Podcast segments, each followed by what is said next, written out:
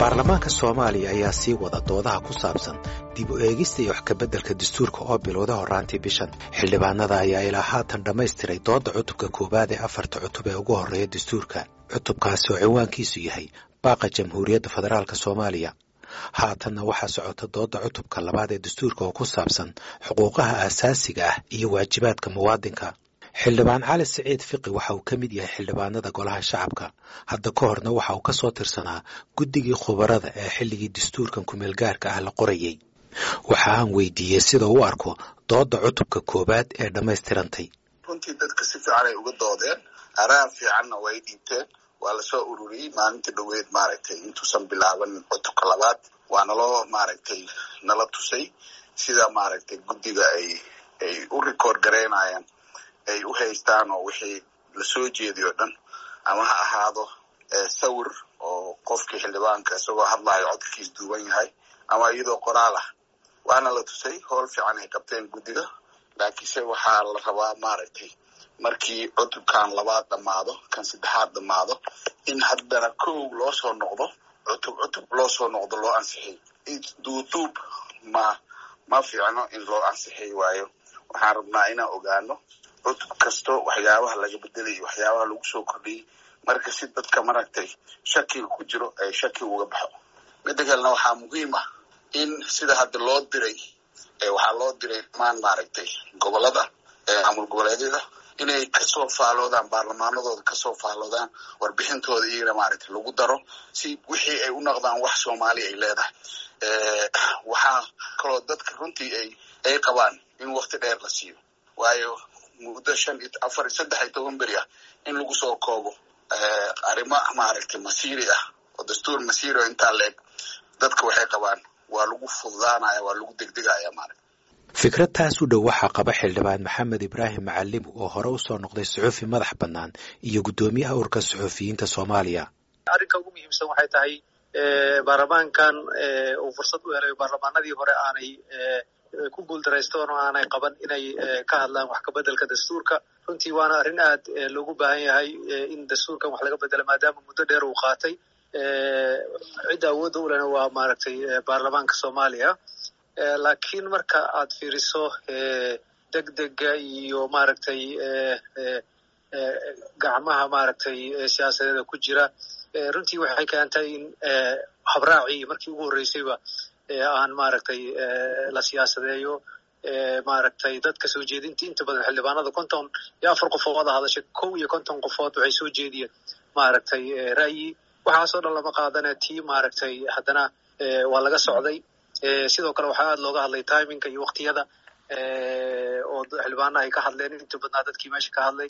Ayadana lama tixgelino waxaa la yidhi waktigan afartan jabtar ama afarta cutub ee u horeysa ha lagu soo koobo waktiga marka deg degaasaa ku jira waxana waa dastuur oo masiir umadeeda oo maaragtay culamada saameynaya oo maaragtay haweenku la rabo inay aragtidooda dadweynaha shacabka soomaaliyeed ururada bulshada iyo xataa dowlad goboleedyada maaragtay xubnaha ka dowladda federaalka laftooda inay ku soo biiriyaan ra'yigooda oo ay noqoto ra'yi loo wada dhan yahay burhaan aadan cumar waa guddoomiyaha guddiga madaxa bannaan ee dib u eegista dastuurka waxa aan weydiiyey sida u arko dhaliisha ka timid xildhibaanada ee ah in la dadejinayo shaqada dib u eegista dastuurka waa mahadsan tahay waa laba qaybood qaybta hore oo waa la dejinaya waxaan is leeyahay dadejin ma jirto oo maadaama jadwal baa la dejiyey xildhibaanada isku qorayna maalinka hore waxay ahayd cutub koowaad isku qoray oo sagaal qodob ka kooban almost sagaashan xildhibaan bay ahaayeen sideetan sagaal meelahaasi ahay xildhibaan oo iskugu jira labada aqal.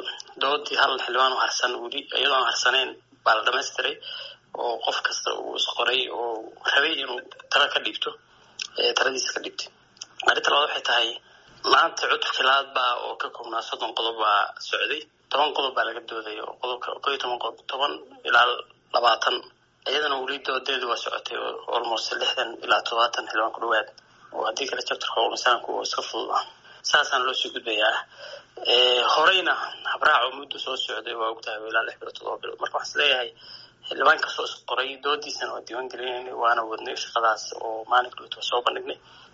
Qof kastoo hadlayna waa la diiwaan gelinaya marka jadwalka shintiriska ay soo dejiyeen guddoonka iyo guddiga la socodka ee baarlamaanku labada aqal oo baarlamaanka loo bandhigayna almost wuxuu tusinayay si faahfaahsan in mataqaanaa jadwalka ku soconayo haddii maalin maalmaha loogu talagalay uu ka gaari waayaan waxay sameynayeen maalin in ugu daraan guddoonka baarlamaanka cutubkii hore oo kale saddex beri baa loogu talagalay maalin dheeraada bay ugu dareen oo mataqaana maalintii talaadada ahayd oo aan ugu jirin jadwalka maadaama xildhibaan aada u tiro badan u soo qoreen haddana sidoo kale markastoo jadwalka la dejiyo waxaa loogu daraya haddii xildhibaanadu sii weli sii interest garaynayaan inay mataqan wadaneynayaan inay sii wadaan.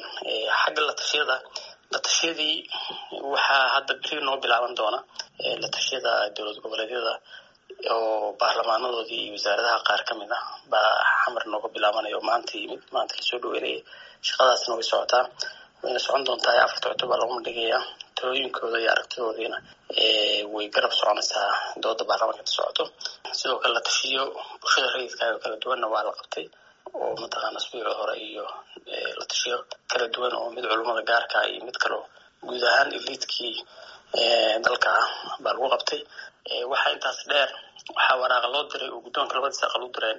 Dhammaan hay'adaha ku-xusnaha habraaca oo xafiisyada heer federaal oo ay ku jirto xafiiska madaxweynaha xafiiska ra wasaaraha iyo xafiiska maxkamadda sare guddoonka maxkamadda sare iyo sidoo kale madaxweynayaasha dowlad goboleedyada guddoonada baarlamaanada ee dowlad goboleedyada oo qaarkood halkan ay joogaanba shirka qaarkood ka soo qaybgeli doonaan marka waxaan is leenahay waraaqahaasna waxaa loogu talagalay inay talooyinkooda qoraal ay ku soo gudbiyaan marka way isgarab socon doonaan shaqadaasna habraac saas u dhigaya waaya taas baarlamaanada maamul goboleedyada iyo maamul goboleedyadu dabcan dastuuray leeyihiin iswaafajinta dastuurkan federaalka iyo kuwa maamul goboleedyada iyadu goormay dhacaysaa mise fikradoodan bay ku biirinayaan midkan federaalka? Kaasaa udub dhexaad noqonaya ha kan bay ku biirinayaan aragtidooda oo dabcan ay matelayaan mataqaana dowlad goboleedyadoodu kan baa lagu biirinayaan heed ahaan iyo shacab ahaanba waa lagu biirin doonaa. Waxaa marka markii kan la dhamaystiro oo kan la ansixiyo kan dowlad goboleedyada harmonisationka ama iswaafajinta in la waafajiyo kan dastuurlada dowlad goboleedyada waxaa la waafajin doonaa. Inta kan la ansixiyo baarlamaanku ansixiyo baa la waafajin doonaa. Marka dambe laakiin hadda kan baa horta laga shaqeynayaa ilaa processka soo dhamaado oo inputkooda iyo talooyinkooda iyo soo jeedimahooda iyo aragtidooda lagu daraya markii processka u dhamaado la ansixiyana kuwii dowlad goboleedyada waxaa loo baahan yahay in la waafajiyo dastuurka markaa la ansixiya cutubka la filaya inay dood weyn ka dhalato waa cutubka afraad oo cinwaankiisu yahay matalaadda shacabka waxaana ku jira heshiiskii madasha wadatashiga qaran ee ay gaareen bishii may ee sannadkii hore ee ku saabsanaa wax ka beddelka qaabka hoggaanka waddanka iyo tirada xisbiyada waddanka. Waa kan xildhibaan cali siciid fiqi.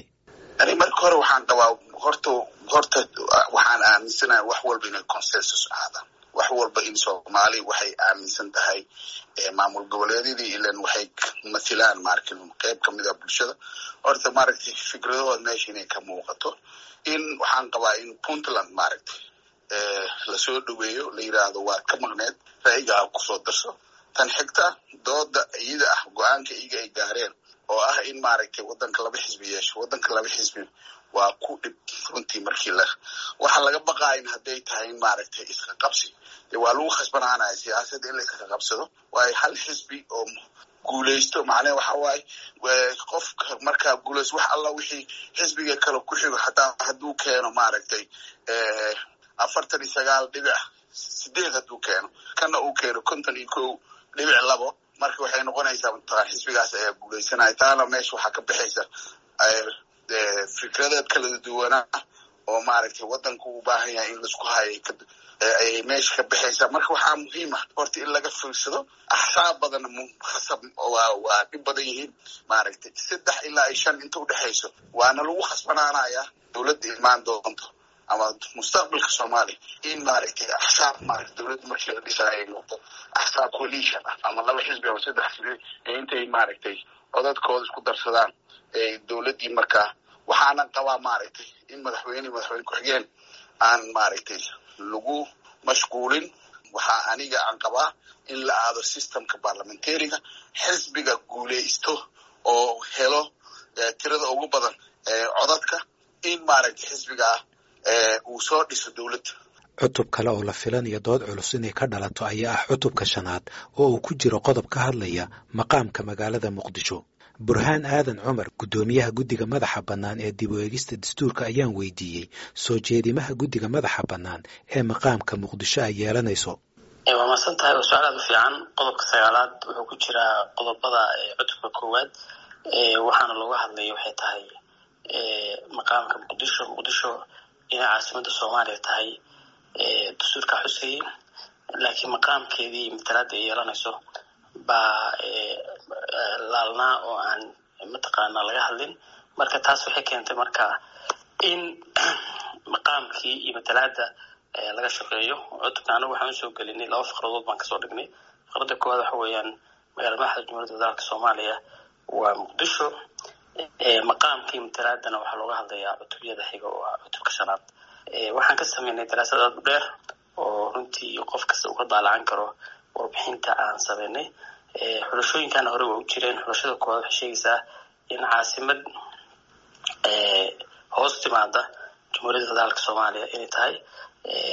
Tan labaadna waxay tahay daraasaad la mid aan sameyno waddamada caalamku si u shaqeeyaan tan labaadna waxay tahay caasimad dowlad goboleed ah tan saddexaadna waxay tahay caasimad kamidna ah dowlad goboleedyada. Oo ku dhex taala dowlad goboleed masalan magaalo kamida gobol ama dowlad goboleed ka tirsan in mataqaanaa ay caasimad saddexda xulashaa soo jeedinay oo go'aankeeda loo gaarayo mataqaanaa cutubka shanaad daraasad badan baa sameyn oo caalamka ka tirsan abujan sameynay washington d c berlin islamabad ottawa oo saddexa xulashaad aan sheegnay iyo kuwa ka badanba waa sameynay addis ababa marka waddamada federaalkaasi caasamadahooda maqaam loogu sameeya matalaadna si ay u yeeshaan daraasaadkooda waa sameynay. Marka halkaasaan daraasad aada u dheer tiro badan qof kasta uu ka daalacan karo ba baan sameynay. Saddex xulasho oo lagu xeerin doono maqaamkooda sida haddaan soo jeedinay haddii baarlamaankuna ay raacaan in cutubka shanaad. Cutubka shanaad waxaa loo geeya waxay tahay sababto cutubka shanaad wuxuu ka hadlayaa bahsanaanta awoodaha yaa dowlad goboleeda heerar kala duwan oo dowladda laftigeeda. Wuxuu ka hadlayaa si ay iskula shaqeynayaan yaa dowlad goboleed noqonaya gobol baa dowlad goboleed noqonaya see imse heer baa dowladeed baa jira? Dastuurkan hadda jira laba heer buu sheegaa oo ah dowlad federaalka iyo dowlad goboleedyada heerka saddexaad baan soo jeedinteeda ku jiri doonta oo ah saddex xer inay jirayaan dowlad hoose iyo dowlad goboleed iyo dowladda dhexe marka halkaas awoodihiin halkaas lagu sii xuseeya oo cid kasta awoodii yeelanayso marka maqaamkun halkaasuu gelaya saan u aragnay daraasadahan xildhibaan maxamed ibraahim macalimi waxa uu qabaa in xaqa dadka ku nool muqdisho uu maqan yahay loona baahan yahay in qodobkaasi lagu xaliyo maqaamka muqdisho maaragtay muddo badana la siyaasadeeyey dad badan xuquuqdeedana ku maqan oo maaragtay aada u fara badan. Weliba dalkan dadka ugu badan magaaladan muqdishoy ku nool yihiin magaalo ahaan marka soomaaliya la eego qiyaastii dad aan qiyaasa laba milyan inay ka badan yihiin oo saddex milyan la gaarsiiyey ilaa afar milyan. Yaa ku nool dadkaas wax xuquuq ay leeyihiin maantadan baarlamaanka labada aqal waxay ku leeyihiin ma jirto oo maaragtay iyaga matala. Marka waa xuquuq in muwaadin ah oo maqan. Sidoo kale maqaamka ay maaragtay muqdisho yeelanayso horaa looga hadlay waxaa la yidhi halla halla halla sheego. Ilaa haddana wax maaragtay soo qaaday male sababtoo madaxda ugu wacan. Qofka markuu banaanka joogo madaxweynuhu wuxuu leeyahay caasimada waa muhiim waa maaragtay waa waa in maqaamkii la sameeya. Laakiin marku uu yimaado powerka uu yimaado waa meesha keliya ee ay maaragtay ku tiirsan yihiin ee dalkan dhan maaragtay uu dowladnimadiisu ay saldhiga u tahay. Marka soomaalida waxay tirahdaa maaragtay dudun in la dukaashaday iyo in la dareensado layskuma helo magaaladan waa magaaladii dowladda waa magaaladii caasimadda soomaaliya. Dadku ay maaragtay dhaqaalaha ugu badan dowladdu ay ka hesho waxaa habboon dadkeeduna inay helaan. Xuquuqda ay u qalmaan. Xildhibaan cali siciid fiqi waxa uu leeyahay fikir ayay u baahan tahay maqaamka ku habboon magaalada muqdisho. Muqdisho waa magaalo madaxda soomaaliyeed. Marka waxay u baahan tahay in maqaam loo yeelo ilaan dadka muqdisho ku nool waa inay helaan maaragtay iyagana maaragtay ama ha helaan dhowr senataro ha siiyo ama si kalun ha loo maareeyo baarlamaanka markaa inuu ka doodo fikirka guud ee soomaaliya isku raacsan tahayna halkaa maaragtay laga soo saaro. Marka matalaad siyaasadeed inay hesho muqdisho? Hadda waa way ku khasban tahay. Waxyaaba waxaa jiro meeshan waxaa ku nool ilaa iyo sida la sheego saddex milyan oo qofood marka saddexdaa milyan oo qofood xaq inay u yeeshaan. Sida waxaa laga dhigi karaa haddii la rabo sida washington d c. Washington d c laakiin male xubno congresska kuma leh. Wakiilo wakiilay leeyihiin waxaa loo yeelaya waxay tahay waxaa loo yeelayaa meeshan waxaa la raadinayaa waxa la yidhahdo political neutrality. Magaala magaalo madaxda waa inay ahaataa. Magaalo madaxda yayse hadday noqoto magaalo maamul goboleedyada oo kale dee hadda marka waxay noqonaysaa magaalo madax dad isku hayn karta ma noqonayso marka. Sidaas darteed waxaa loo baahanyahay political neutrality inay ay la imaado. Waa meeshii midnimada soomaaliyeed lagu lagu maaragtay lagu hayn lahaa lagu dhisi lahaa laisu keeni lahaa marka waxay u baahan tahay dhinac kasto caqli iyo fikir laisu keeno fikirka wanaagsan oo dadkana ay ogolaan karaan maaragtay inaan maaragtay meesha noqonin khilaaf waxa ummadda soomaaliyeed u keeni karo ay noqoto maaragtay magaalo madax sidaa muqdisho ay tahay runtii. Waa magaalo madax dadka dhan ay soo dhaweyso oo ka muuqato maaragtay magaalo madax inay tahay soomaali dhanaa ku nool. Wax alla wixii looga baahan yahay shuruudaha looga baahan yahay badanaaba way qabtaa. Infrastructureka loo baahan yahay waxay qabtaa maarkino wasaaradihii wixii oo dhan meel ku habboon waay deegaankii wixii oo dhan meel ku habboon waay magaalo madax inay noqoto.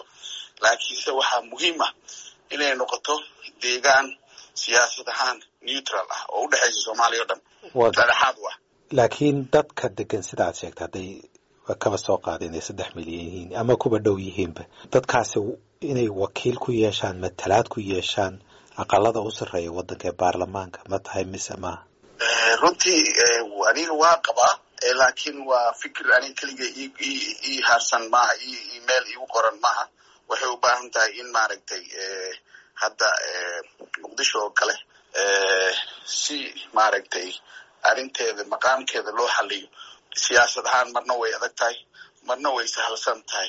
Marka waxay u baahan tahay laakiin caqli iyo fikir iyo maskax wanaag in laisugu darsado oo markaa maaragtay ay maqaamkii sidaa ku habboon in loo siiyo maaragtay magaalo madaxda dastuurka xilligan laga doodayo islamarkaana dib u eegistiisu socoto waxa uu ka kooban yahay shan iyo toban cutub waxaana xildhibaanadu ay sheegeen in dooddiisa keliya ay soconayso muddo bilo ah. Barnaamijkii galka baaristuna waa naga intaas. Inta aynu ku kulmi doonno barnaamijkan oo kale. Waa haaruun macruuf oo idin leh nabadgelyo